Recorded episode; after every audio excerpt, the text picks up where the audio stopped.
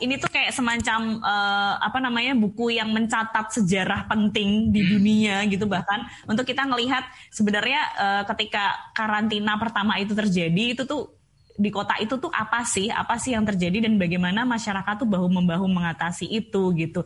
Karena saya yakin kayak uh, 10 tahun 20 nggak 10 tahun lah 20 tahun kemudian bahkan orang-orang yeah. akan penasaran sebenarnya apa hmm. benar-benar apa yang terjadi Ya, yeah, emang kalau kita nonton film ini ya soal hmm. bencana hmm. ya, soal bencana alam, kayak misalnya film Kiamat itu 2012, ah. terus film, film Kiamat lagi, semua bencana tuh menurut gua berasal dari uh, politisi yang tidak memperhatikan pendapat saintis kan.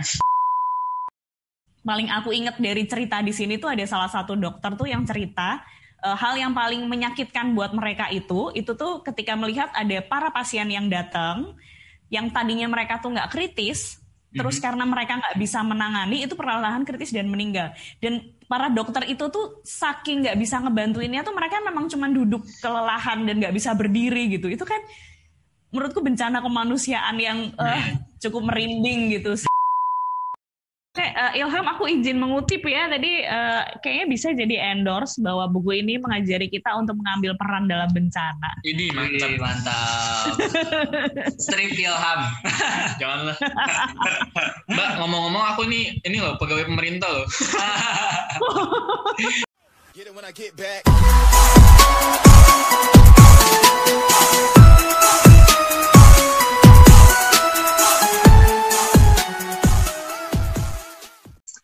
Oke, selamat datang di Mapaba. Mari pada baca.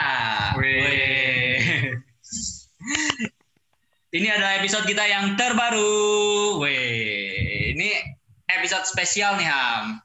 Semua kan spesial.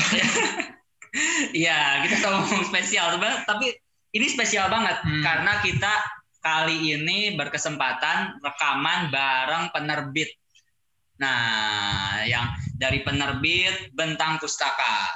Salah satu penerbit terbesar di Indonesia. Uish. Kebanggaan. Uish. Kita sering menjilat mbak emang orang. Merinding langsung. Ini dari Bentang Pustaka ada Mbak Intan ya mbak ya? Iya betul. Nah, Mbak Intan Halo teman-teman, mari pada baca.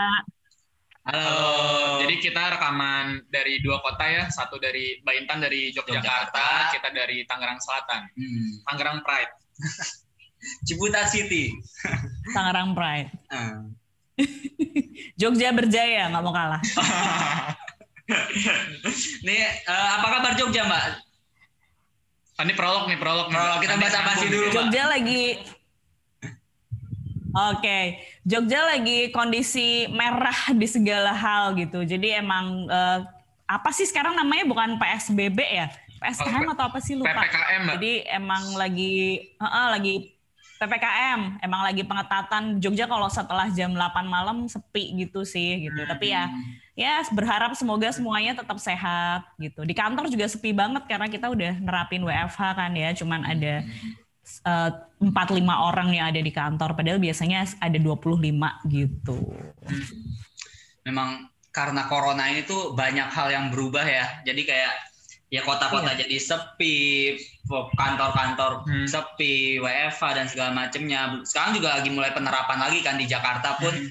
sama kita nyampe jam 7 malam aja boleh hmm. aktivitas di luar. Walaupun masih banyak nongkrong ya. Iya. Karena yang kenanya tuh yang ini. Iya, itu yang, tetap sih nggak bisa dihindari. Nah, yang bentuk toko-toko atau ruko-ruko besar yang kena tuh. So, saya kan kayak yang di apa yang pinggir-pinggir jalan kayak misalnya warkop itu nggak kena kalau angkringan warkop sih tetap hmm. buka 24 jam buka Oh iya sama sama. Hmm. Bener-bener kayak yang toko-toko mall atau atau minimarket minimarket itu sih mereka pada pada hmm. tutup jam tujuh 7, jam 8. Tapi mereka mensiasati sih. Jadi kayak karena harus tutup jam 7, jam 8, mereka udah buka dari jam 7 pagi sekarang. Hmm. Kalau di Jogja kayak gitu. Iya, iya, iya.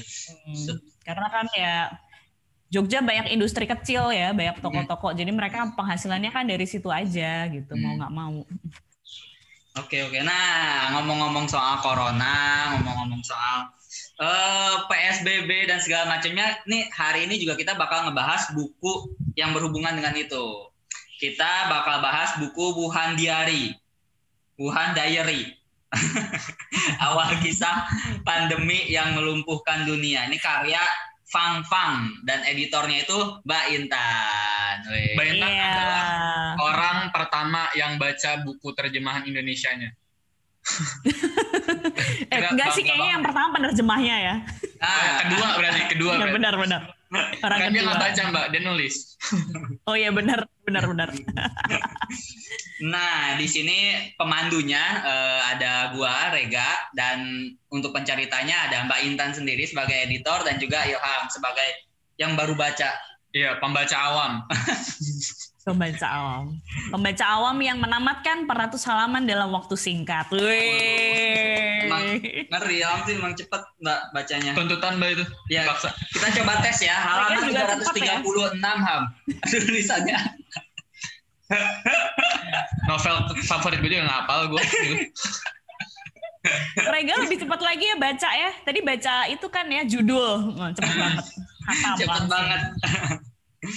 Oke, nih uh, kita langsung masuk ke pembahasan bukunya mungkin ya. Pertama sih okay. yang paling bikin uh, saya penasaran, Mbak. Uh, ini saya atau gue nih, Mbak enaknya ya? bebas, bebas. Kita juga boleh. Kalau Jogja aku kamu, Mbak. oh iya. bebas, gue juga boleh. Oke, siap. Ini yang paling bikin gue penasaran sih, Mbak. Pas awal ngelihat buku ini kan uh, tulisannya Wuhan Diary ya. Walaupun dari judulnya pun kita udah tahu bahwa ini tuh adalah diary diary uh, tentang kondisi Wuhan terkait pandemi. Nah, yang bikin saya penasaran adalah uh, siapa sih yang nulis buku ini dan kenapa sih dia sampai menuliskan buku ini gitu? Tujuannya tuh apa sih? Oke, jadi uh, penulis buku ini ini sebenarnya nama penanya dia ya, nama penanya hmm. dia itu Fang Fang. Fang Fang tuh usianya sudah cukup cukup ya nggak bukan lansia juga sih ya tapi kayak sekitar umurnya 60-an gitulah. Mm-hmm. Nah, Fang Fang ini sebenarnya dia memang penulis yang cukup terkenal di Cina sana gitu. Dia pernah mm-hmm. menjabat sebagai uh, salah satu ketua asosiasi penulis di Hubei. Hubei itu provinsi di mana Wuhan menjadi ibu kotanya gitu. Jadi uh, dia juga ngajar di universitas di di Hubei sana gitu. Terus dia juga uh, kenal dengan berbagai macam lapisan-lapisan masyarakat, uh, komunitas-komunitas dan masyarakat dari berbagai lapisan, dari uh, banyak lah, maksudnya dia koleganya cukup banyak gitu, dan dia orang yang bisa dikatakan cukup terpandang. Karya sastranya yang dia hasilkan, dia novelis ya, dia itu juga uh, beberapa kali memenangi penghargaan dan memang penuh dengan narasi-narasi kritik gitu. Nah uh, dia ketika karantina itu terjadi dia merasa memiliki kewajiban gitu kayak sebagai hmm. seorang penulis apa sih yang bisa aku lakuin gitu jadi ya uh, karena aku penulis yang bisa aku lakuin ya aku akan merekam hmm. kejadian apa gitu yang terjadi di Wuhan saat ini gitu karena kan banyak banyak juga orang yang ingin tahu kan apa yang sebenarnya terjadi di sana gitu dan cara yang paling gampang kan memang dia ceritanya lewat akun media sosialnya dia ya di hmm. Weibo gitu Hmm. Kayak kalau di sini di Facebook gitulah, jadi yeah, dia yeah. posting harian di sana, terus cerita dan uh, ceritanya dia tuh juga nggak hanya sebatas berdasarkan pengalaman dia sendiri, tapi hmm. dia juga sering cari narasumber gitu. Jadi dia punya banyak banget kolega tenaga kesehatan, dokter gitu, dia nanya-nanya ke mereka, apa sih sekarang perkembangannya gimana? Ke tanya-tanya ke para wartawan, tanya-tanya ke mana-mana gitu, dan itu semua dia tuliskan di situ gitu. Menariknya juga bahkan saking populernya ceratan hariannya itu, banyak orang yang nitip curhat ke Fang Fang oh. gitu. Jadi kayak uh, uh, uh, jadi banyak eh tolong dong suarakan ini dong pendapat kami gitu. Misalnya kalau ada perawat tolong dong ditulisin cerita kami gitu. Atau uh, para jurnalis gitu atau macem-macem lah gitu. Jadi dia hmm. kayak uh, memang terkenal sebagai corong masyarakat gitu okay. ya saat itu terjadi saat karantina terjadi. Hmm. ya uh, menarik mbak. Jadi sebenarnya tuh Fang Fang ini tuh bukan uh, sosok kalau kalau saya tuh awalnya tuh mikir saya kira tuh Fang Fang ini dokter mbak. Saya, saya tuh awal awalnya tuh ngira Fang Fang ini dokter jadi dia ngasih dari sudut pandang dokter tapi ternyata dia uh, memang penulis buku ya mbak ya? Hmm. Iya, dia novelis yang uh, melahirkan karya non fiksi gitu. Hmm. Kayaknya kalau dokter nggak udah nggak sempat nulis lagi ya, yeah, udah nggak sempat cerita pengalamannya. Jadi uh, di sini kayak ada sekitar berapa ya narsumnya dia empat orang sahabatnya dia yang jadi dokter itu dia ceritakan ulang kisahnya mereka gitu. Dia tanya-tanya di sana gitu. Jadi emang di buku ini kan bahkan uh, nanti kalau apa namanya teman-teman lihat juga di halaman awal gitu di sini memang bilang Catatan harian ini bahas beragam metode penanganan COVID-19 hmm. yang diterapkan pada awal merebaknya wabah. Hmm. Dan tidak bisa dianggap sebagai nasihat medis gitu. Karena ini merekam oh. pengalaman aja sih. Jadi nggak nggak yang terus uh, kita bisa mencontek bagaimana mencontek dengan harapan bahwa ini bisa apa ya bisa mujarab gitu misalnya ada hmm. ada tips-tips gitu tuh nggak nggak kayak gitu ini rekaman cerita aja Hmm, berarti uh, ini ya jangan sampai uh, orang-orang nih kan berarti ini menjadi karena saya tadi baca sekilas bahwa uh, di sini tuh ada uh, pandangan penulis dan pandangan mungkin itu masyarakat juga yang dia wawancarai terkait bagaimana kebijakan pemerintah terhadap uh, penanganan corona, bagaimana kondisi apa uh, kondisi medis yang apa fasilitas dan segala macamnya, kekurangan masker dan segala macamnya pada saat kondisi corona itu ya Mbak ya. Iya, jadi uh, kalau di awal-awal catatan harian ini ya bahkan sampai akhir sih kita hmm. kalau buat aku sih menariknya kita bisa merasakan betapa hmm. frustasinya atau marahnya si Fang Fang ini terhadap pemerintahnya. Hmm. Yang itu kayaknya relate ya sama kita. Yeah. Kita kan udah mengalami berbagai macam kebijakan yang inilah itulah inilah itulah dan nggak jelas data nggak transparan hmm. gitu. Jadi ketika baca oh ya ya ini kayaknya hmm. memang kemarahan para masyarakat terhadap pemerintah yang kebijakannya tuh nggak jelas gitu. Yang Dan, paling menarik lagi, yang pertama tuh pasti ini ya Mbak, seluruh dunia kan penasaran ya uh, dari mana yeah. dan awal COVID ini kan. Hmm. Yang paling pertama kali gue dapetin sih soal itu ya, soal asal usulnya kenapa ini kan berdampak ke seluruh dunia ya. Orang-orang seluruh dunia tuh pengen tahu gitu awalnya kayak gimana, penanganannya seperti apa dan buku ini tuh kental banget soal kritiknya si Fang Fang terhadap uh, pemerintahan komunis Cina kan. Dia di awal tuh jadi uh, yang paling gue ingat tuh di awal ada satu kalimat yang ada salah satu hmm. petinggi di rumah sakit itu kan yang bertanggung jawab tuh bilang kalau virus ini tuh tidak menular antar manusia, bisa dikendalikan dan bisa dicegah kan. Nah, akibat kalimat itu orang-orang tuh ngerasa, oh berarti ini nggak kayak SARS yang tahun 2003 nih, berarti hmm. uh, kita uh, normal-normal lagi. Nah, ternyata beberapa minggu setelah pengumuman itu ada petugas kesehatan kalau nggak salah tuh jumlah 14 orang yang udah positif. Jadi uh, di situ pemerintah Cina tuh mencoba untuk uh, apa ya biar terlihat mereka tuh bisa melakukan penanganan dengan baik jadi nggak nggak memalukan gitu hmm. dan juga nggak nggak cuma Tiongkok doang sih dia, si Fang Fang ini juga men mengkritik soal Barat yang terlalu sombong kan dalam penanganan COVID ini akhirnya ya mereka kolaps juga terus tadi nambahin sama Mbak Intan kan tadi bilang sampai ada yang nitip salam-salam kan nah hmm. juga kata Fang Fang ini juga sampai orang-orang tuh bahkan uh, mau tidur tuh nungguin dia bikin diary dulu baca diary hmm. dulu biar dia lebih tenang kan yeah. saking berpengaruhnya gitu hmm. Hmm, hmm saya pengaruhnya hmm. tadi sedikit ngebahas soal yang tadi lu bilang am yang bilang apa uh, penyakit ini tuh nggak nggak nggak menular ke sesama yeah. manusia ya yeah. gue jadi flashback ke ini apa pernyataan Kemenkes ya nggak apa iya. dulu ke Kemenkes pun sempat berbicara seperti itu bahkan uh, nggak bu, bukan dia bukan bilang nggak menular tapi dia bilang yang yang katanya orang Indonesia itu kebal terhadap virus dan segala macamnya kayak gitu kan. kebal. kan. Ya, emang kalau kita nonton film ini ya soal hmm. bencana ya, soal bencana alam kayak misalnya film Kiamat itu yang 2012 ah. terus film, film Kiamat lagi, semua bencana tuh menurut gua berasal dari uh, politisi yang tidak memperhatikan pendapat saintis kan. Ah, iya iya. Yang gak memperhatikan pendapat ahli. Nah, ini tuh ya biar kelihatan domin apa ya kelihatan superioritasnya Cina jadi ditutup-tutupin bahkan si Fang Fang ini dari awal juga sempat yang masih membela pemerintah nggak mungkin lah pemerintah nah. tutup-tutupin ternyata ya udah yang selama ini dibilang aman ternyata enggak oh jahatnya itu sih Oke. Okay. Mungkin kalau gue tuh selalu berpikiran ya, uh, ini kan udah terlalu meluas kan ke mana-mana kan, jadi hmm. susah kan buat ditutup sama di dikelolanya kan. Hmm. Mungkin ya kalau misalnya dulu, jadi kan ini sebenarnya tuh telat 20 hari. Nah dari pertama kali ada kasus positif ah. dari tanggal 31 itu baru ada penanganan serius 20 hari setelahnya 20 hari. baru tuh di Kunci Tara. Hmm. uh, mungkin ya kalau misalnya dulu pemerintah Tiongkok itu nggak meremehkan terus ya udah yang ditutup itu cuma Wuhan doang jadi seluruh dunia kan nggak ada yang tahu kan hmm. jadi di situ udah sigap udah waspada mungkin cuma akan ada di Wuhan hmm. cuma ada di Wuhan dan tutup tuh di di Wuhan dan nggak akan ke mana-mana dan hmm. seluruh dunia nggak akan nggak akan terdampak seperti sekarang dan sebenarnya kan fatalnya ada salah satu dokter yang sudah menyuarakan kalau virus ini kan bahaya kan, dokter hmm. Leifang itu. Hmm itu itu dan ternyata dan dia kan malah jadi dikatain menyebarkan berita palsu sama iya. pemerintah itu kan sangat miris dan pada akhirnya kan dokter Leifang itu meninggal juga kan karena covid jadi kayak uh, salah satu kejahatannya pemerintah ya selain mereka menutup-nutupi mereka mengatai saintis yang mengat yang sudah sudah merasa bahwa ini tuh akan bermasalah itu tuh bohong gitu. Hmm. dan aku sepakat sih sama Ilham tadi. Kayaknya kalau misalnya mereka dari awal sudah uh, mendengarkan padahal kan mereka punya pengalaman ya ketika yeah. SARS itu itu yang cukup mengagetkan sih. Mereka cukup punya pengalaman yang bagus ketika mereka menangani SARS sampai enggak enggak enggak mendunia kan dulu itu hmm. mereka bisa mengendalikan itu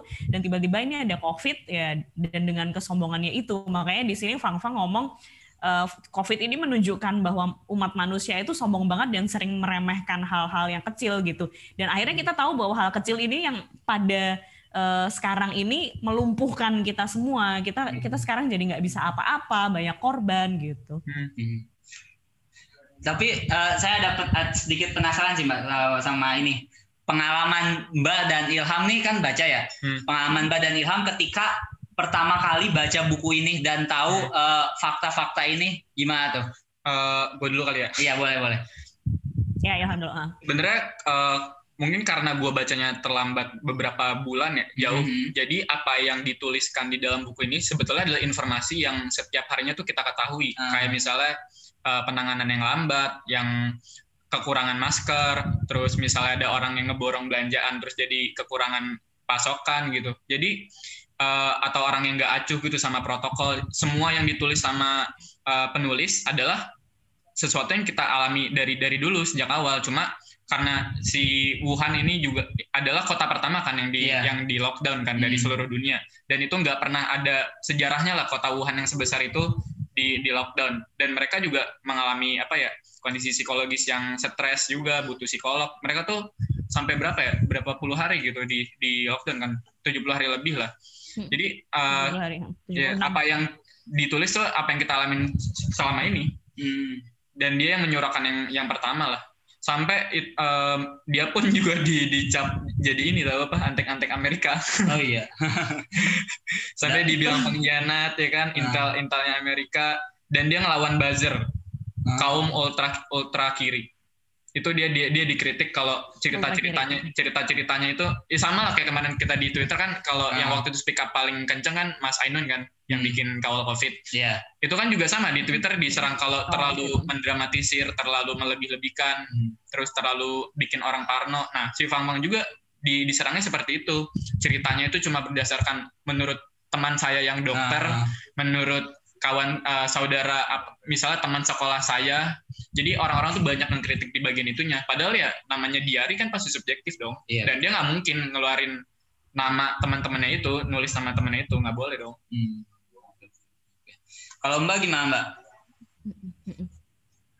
kalau aku sih uh, pertama kali mendeteksi adanya naskah ini kan karena dia dulu terbitnya terbitnya secara internasional kan kalau nggak salah bulan Mei ya. Jadi kan pas masa itu kita kan uh, sering banget dapat pemberitaan internasional bahwa Wuhan tuh bagus banget loh dalam nah, iya, melakukan itu, karantina. Itu. Pemerintahnya tuh gerak cepat, ya kan. Ya, gitu, Rumah gitu. sakit terbangun dalam nah. 10 hari gitu-gitu. Terus saat itu kan emang kerasa gila pemerintah Cina keren ya. banget bla bla bla bla bla bla bla bla gitu. Tapi ketika membaca buku ini itu tuh kayak menyadari bahwa uh, ya mereka memang bagus, mereka bagus uh. dalam penanganan itu. Tapi kalau dari sisi penanganan terhadap masyarakatnya, mereka tuh kayak apa ya kayak kayak kacau total gitu. Misalnya hal yang pertama di sini si uh, Fang Fang itu cerita, mereka kan baru tahu akan ada kunci tara akan di lockdown, benar-benar di lockdown itu kan kayak tiga hari. Jadi pengumuman bayangin aja deh, Hamin tiga kita semua nih masyarakat dikasih tahu kalau kamu tuh nggak akan bisa lagi keluar rumah, nggak bisa belanja hmm. dengan bebas, transportasi mati gitu. Itu rasanya kayak gimana sih gitu. Dan uh, ketika bantuan-bantuan belum datang kan emang para dokter tuh kelimpungan sangat-sangat kelimpungan hmm. gitu. Jadi pemerintah tuh ya ternyata nggak nggak nggak bergerak secepat yang aku bayangkan hmm. ketika itu gitu. Yeah. Bahkan yang paling paling aku inget dari cerita di sini tuh ada salah satu dokter tuh yang cerita uh, hal yang paling menyakitkan buat mereka itu itu tuh ketika melihat ada para pasien yang datang yang tadinya mereka tuh nggak kritis terus mm -hmm. karena mereka nggak bisa menangani itu perlahan kritis dan meninggal. Dan para dokter itu tuh saking nggak bisa ngebantuinnya tuh mereka memang cuma duduk kelelahan dan nggak bisa berdiri gitu. Itu kan menurutku bencana kemanusiaan yang uh, cukup merinding gitu sih itu itu hal pertama hal yang kedua ya emang kita tahu kalau uh, Cina itu negeri komunis yang di mana masyarakatnya nggak bebas untuk bersuara tapi aku tidak menyangka juga, aku baru tahu dari kisah yang diceritakan Fang Fang ini, hmm. kalau bahkan akun Weibo itu tuh dibatasi gitu. Hmm. Jadi kayak oh. uh, misalnya nih si Rega, kamu posting ya sesuatu yeah. di Facebook. Nah, itu tuh udah muncul tuh di timeline kamu. Hmm. Tapi ternyata itu tuh nggak muncul di timeline teman-teman kamu.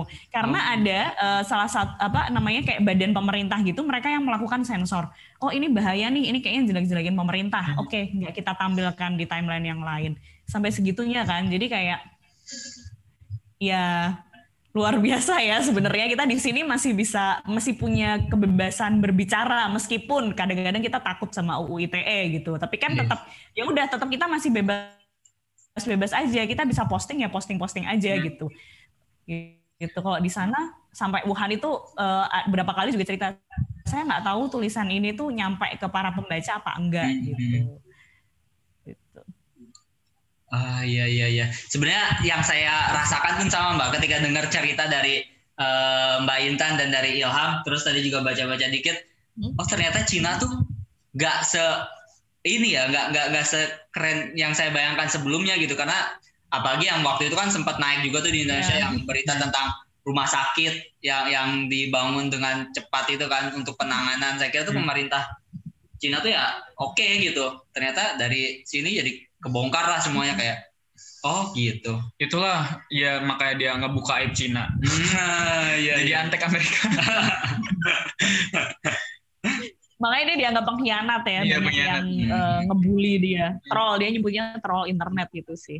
Sama Karena kayak kalau di Indonesia kan tahu kan apa yang terjadi sama Pak uh, Prof. Pandu Riono kebetulan Prof. Randu Riono kan juga ngisi endorsement untuk buku ini kan. Dia kan pernah hmm. kan sampai di apa namanya Twitternya dihack sampai dia sekarang bikin akun baru karena hmm. saking seringnya dia sebagai saintis mengkritik kebijakan pemerintah hmm. yang nggak transparan gitu. Hmm. hmm.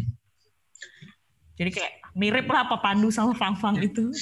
Banyak sebenarnya kemiripannya di buku ini sama yang terjadi di Indonesia soal kesedihan kesedihannya juga ya gue gue ingat sih ada yang paling sedih banget tuh hmm. uh, yang di awal-awal covid kan memang semuanya tuh serba bingung ya dan yeah.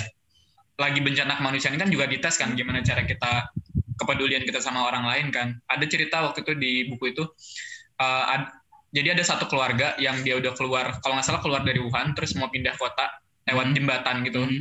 nah pas udah lewatin jembatan karena dia dari Wuhan si suaminya kalau nggak salah terus nggak boleh lewat Nah, tapi karena dia udah ngelewatin Wuhan, pas dia mau kembali ke Wuhan tuh nggak boleh. Oh. Mampus nggak lu? Jadi lu bingung di tengah lu disuruh, disuruh tinggal di jembatan. Hmm. Belum lagi apa kabar-kabar yang baru dia tuh baru ingin mencari rumah sakit ya, tapi karena kondisi uh, uh, tenaga kesehatan tuh udah kolaps kan, jadi dia udah meninggal duluan pas lagi mesen. Hmm. Pas lagi mesen tuh pas dikabarin ternyata uh, udah ada yang kosong nih pak, tapi hmm. dia udah keburu meninggal. Dan ada keluarga-keluarga yang juga uh, awalnya tuh bapaknya meninggal terus ngikut ibunya hmm. terus ngikut kakaknya hmm. jadi dia tinggal sendiri hmm. miris banget sih oke okay. tapi uh, dulu kan sebenarnya pas waktu uh, awal-awal ya dulu kan sempat booming juga tuh banyak video-video yang bertebaran di Indonesia khususnya ya hmm. terkait kondisi hmm. Wuhan sebenarnya tuh apakah memang uh, kalau dari buku ini ya kalau dari buku Wuhan Diary itu uh, diceritain nggak sih uh, kondisi Wuhan tuh sebenarnya sekacau apa gitu pada saat awal dan juga sampai ya ketika titik-titik uh, puncak pasiennya itu diceritain nggak tuh mbak? Iya diceritain dengan detail sama dia hmm. meskipun uh, sebenarnya uh, kayak kekacauan Wuhan itu kayak bertahan pada bulan Januari, bulan Februari itu mulai membaik. Jadi kayak Fang Fang tuh nggak selamanya dia men menjelek-jelek eh, nggak menjelek-jelekan ya. Dia nggak selamanya mengkritik pemerintahnya dia di buku ini dia cukup fair kayak uh, ngabarin apa sih yang sudah dilakukan sama pemerintah. Saya melakukan pendataan terus dia juga memaksa semua PNS PNS lah ya sebutnya PNS sebagai pemerintah di Wuhan sana itu untuk bekerja menjadi pelayan masyarakat kayak gitu. Dia juga cerita uh, tentang komunitas-komunitas yang jadi relawan-relawan gitu. Hmm. Tapi ketika segala sesuatunya membalik, dia memang terus uh, memaksa para pejabat-pejabat itu untuk meminta maaf gitu. Yang dia sayangkan hmm. kenapa sampai sekarang uh, pemerintah tuh sama sekali nggak minta maaf gitu loh. Karena buat Fang Fang sendiri dia cerita masyarakat Wuhan itu bisa bertahan ya karena mereka swadaya loh, mereka swadaya, swakarsa gitu. Hmm. Pemerintah tuh datangnya tuh belakangan dan hmm. uh, di sesi-sesi terakhir tuh bahkan pemerintah tuh bilang ke masyarakatnya ya pemerintah komunis ya dia bilang bahwa masyarakat tuh harus berterima kasih sama pemerintah karena kami sudah mengusahakan semua ini gitu. Dia marah banget gitu karena ini itu bukan serta merta karena pemerintah aja, pemerintah harusnya minta hmm. maaf karena kebohongan mereka di awal itu. Dia berulang-ulang sih ya ngomongin bahwa uh, kebobrokan semua sistem ini tuh ya dimulai dari kebohongan mereka pertama kali itu gitu dan itu tuh tidak termaafkan gitu. Dan hmm. dia akan terus ngomong itu supaya isu itu tuh nggak lenyap gitu bahwa memang pemerintah harus bertanggung jawab dan pemerintah harus meminta maaf gitu. Hmm. Iya berarti memang puncaknya itu kalau nggak salah kan ada demo juga ya mbak ya setelah lockdown di Wuhan tuh uh, ada kerusuhan se seingat saya waktu itu ada kerusuhan di Wuhan setelah uh, selesai lockdown kan. Nah itu puncak dari ini nggak sih sebenarnya? Kalau dari ceritanya si Fang Fang ini sebenarnya karena masyarakat mulai resah mereka mau makan apa, mereka kerjanya hmm. gimana. Karena belum ada saat itu kan memang belum ada kejelasan karantina akan eh, karantina kunci tara akan berlangsung sampai kapan kan. Jadi kayak udah deh pemerintah sekarang kita kan udah mulai bisa udah mulai apa namanya angka COVID itu akan terus turun turun turun turun tapi kan kita nggak bisa selamanya kayak gini hmm. gitu jadi emang harus dipikirkan setelah ini pemulihan ekonominya gimana gitu jadi orang-orang yang memang yang mulai demo-demo itu juga karena resah kan resah hmm. mereka masa depannya nanti gimana kerjanya gimana gitu tapi memang uh, yang patut kita apresiasi kan ketika diumumkan bahwa kunci tara itu selesai kan emang angka penularan COVID itu udah yeah. nol kan, udah nggak ada pasien iya. lagi. Yeah. Jadi kayak pemerintah memastikan udah udah zero gitu, oke okay, sekarang kita buka.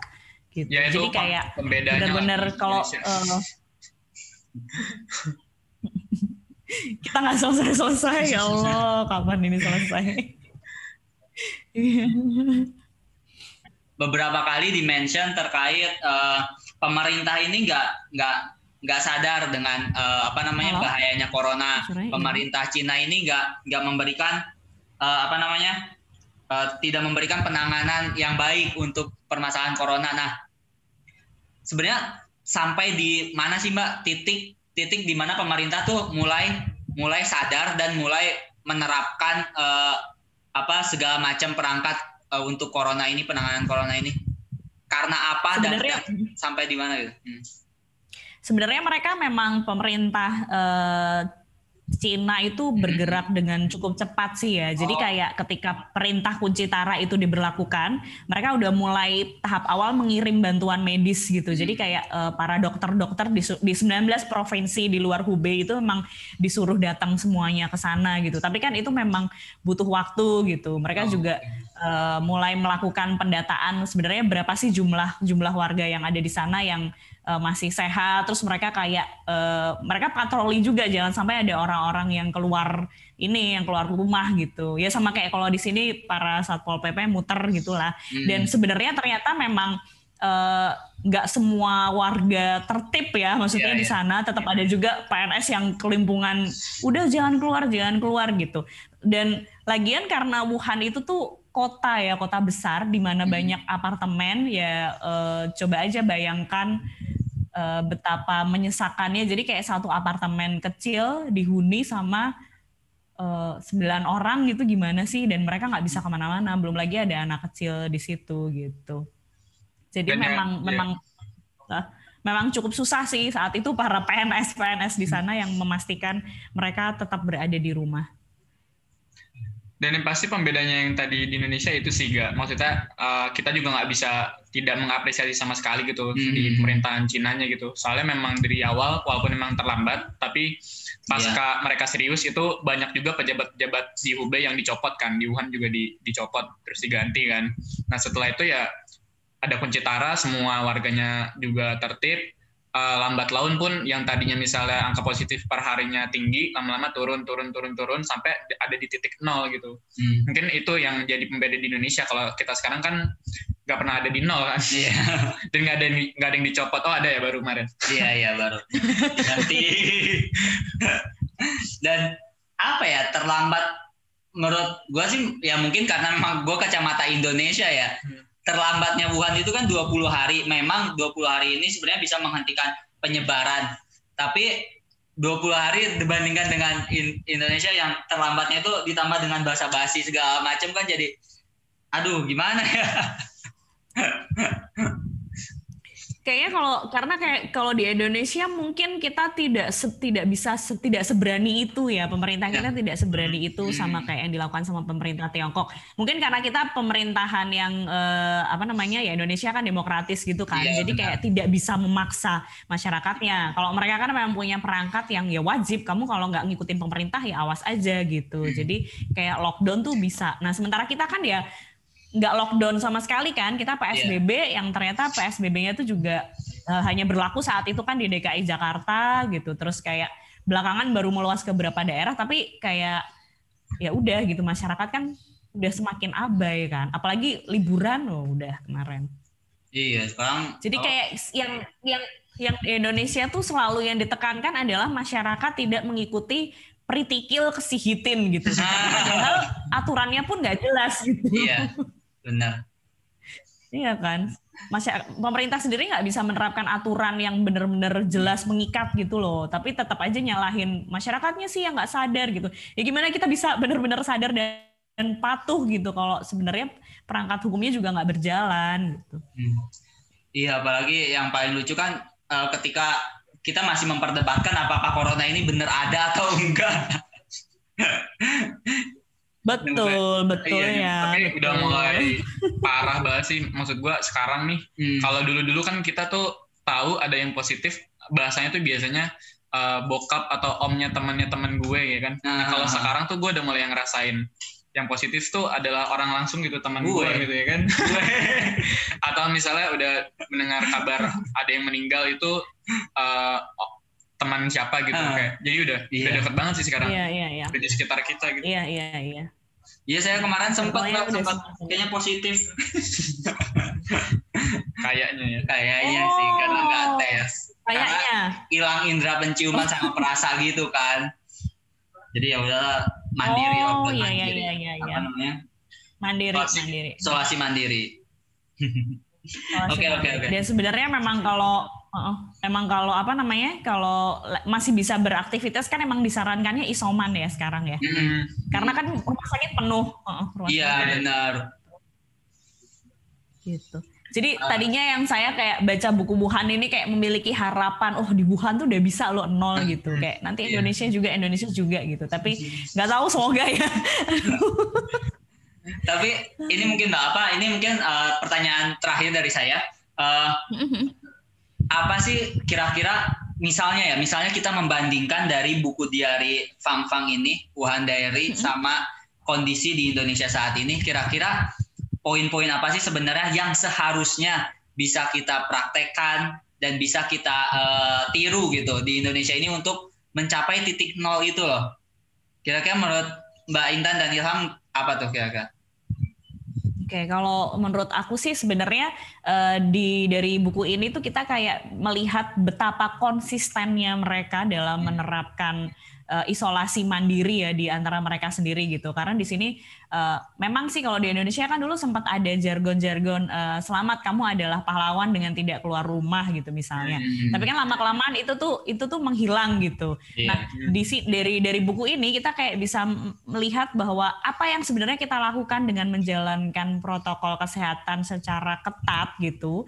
itu tuh uh, apa namanya akan menemui hasilnya kok. Dan ternyata bener kan penularan hmm. itu ya memang bisa dicegah dengan tidak banyaknya berkumpul atau tidak banyaknya berkerumun gitu. Dan dari buku ini juga sebenarnya kita uh, tercerahkan beberapa mengenai apa sih sebenarnya yang harus dilakukan sama pemerintah gitu. Jadi kayak buku ini ngajarin kita untuk ayo terus kritis gitu. Menurut menurut saya sih setelah baca buku ini nggak apa-apa kita harus emang harus terus menerus uh, marah gitu misalnya di media sosial kalau ada ada apa namanya pemerintah yang ngawur ataupun apa gitu. Jadi kayak uh, semakin respect lagi sama kayak Mas Ainun kawal COVID gitu atau Pak Panduryono gitu. Mereka memang atau para dokter-dokter yang nggak nggak lelah gitu kan ya karena kan uh, nggak kebayang kalau di, di buku ini sempat ada apa rumah sakit yang nolak-nolak pasien itu sekarang terjadi loh di kita gitu. Jadi yeah. kayak emang harus lebih mawas diri, harus lebih hati-hati, jaga kesehatan diri sendiri. Ya, emang emang beneran beneran harus bener-bener ini ya, bener-bener nggak abai bahwa COVID itu memang nyata gitu. Ini bukan sekedar konspirasi. Gitu. Yeah. elit global, elit global elit global. Ya yang bisa di copy paste ya menurut gua cuma soal disiplin sih. Kalau hmm. ngebandingin kondisi sekarang di sini sama ketika waktu itu di Wuhan ya udah terlalu ruwet kalau sekarang ya. Yeah. Yang paling bisa di copy paste ya soal disiplin, soal yeah, iya. kesadaran yeah. memakai apa ya apa uh, mengikuti pemerintah dengan 3M itu kan, bukan 10M. Agak-agak susah soalnya kalau ngebandingin ya di Wuhan nah. waktu itu kan uh, gimana ya kondisi demografinya mungkin mereka tempat tinggalnya kan di apart apartemen juga kebanyakan kan. Hmm. Gue tuh selalu ngebayangin misalnya uh, anggaplah di sini juga di lockdown di lockdown kan di Jakarta Selatan aja misalnya.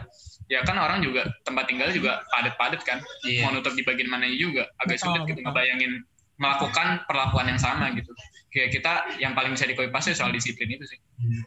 Berarti sebenarnya kalau pemerintah dari dulu iya, langsung iya, benar. lockdown Depok mungkin ya. Mungkin mungkin karena sekarang udah, Depok udah terlalu luas kalau iya. luas. Atau lockdown satu pulau eh, satu pulau Jawa luas iya. banget. ya Jakarta lah mungkin ya kan. Mungkin uh, bisa iya. setidaknya tidak sampai sebanyak ini gitu jumlah kasusnya ya kan.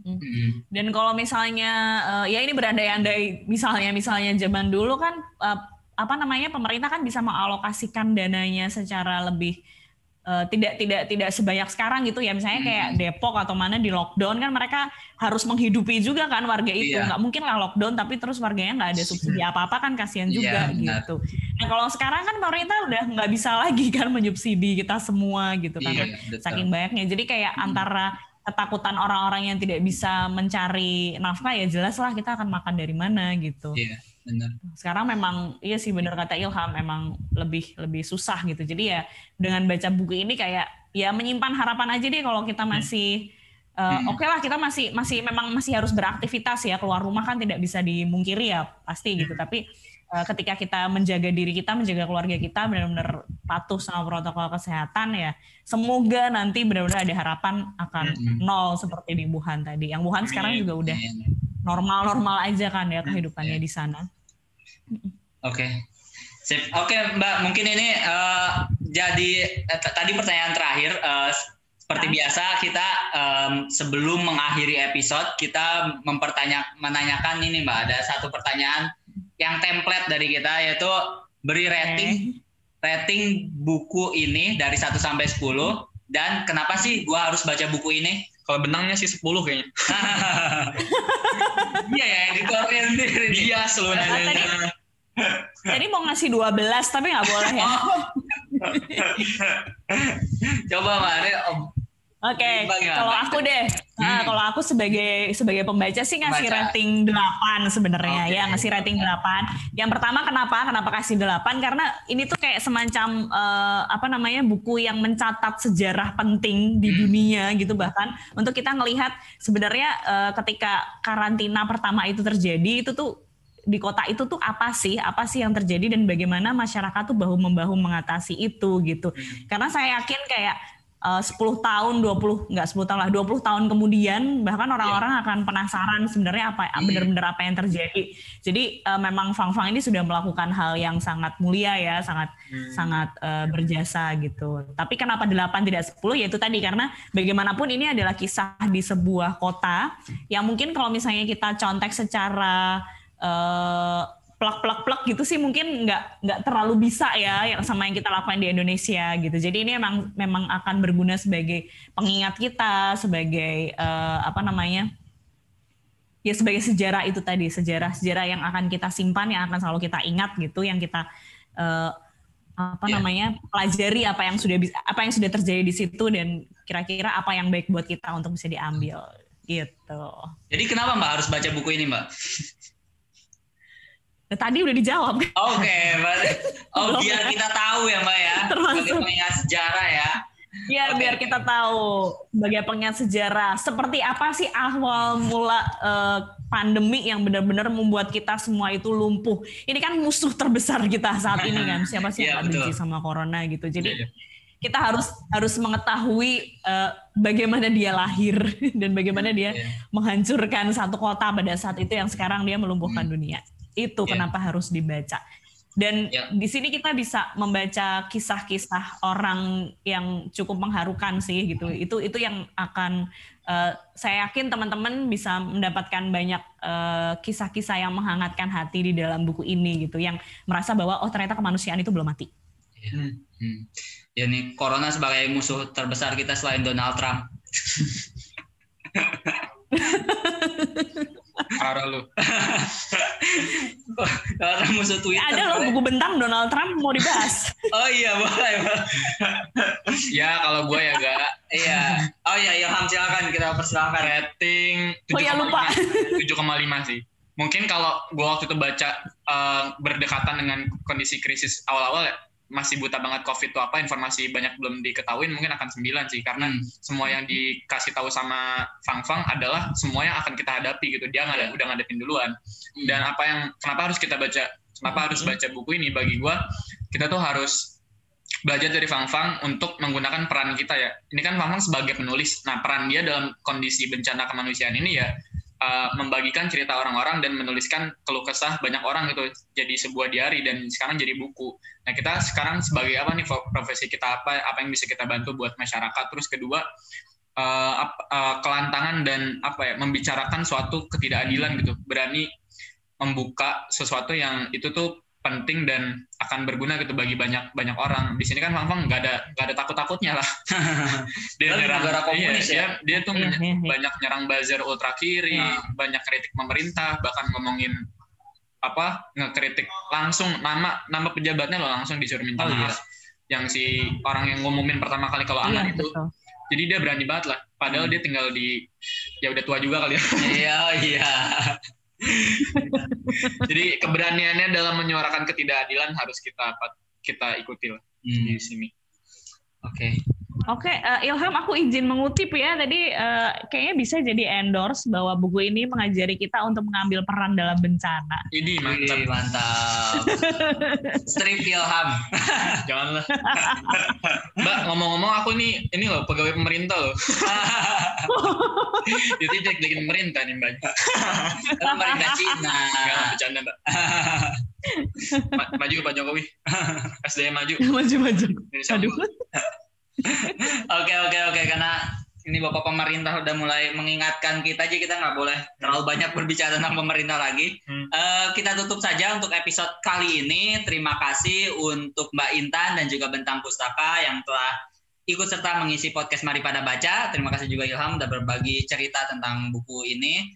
Saya Rega, undur diri. Selamat membaca. Selamat mendengarkan. Bye. Bye. Oke. Okay.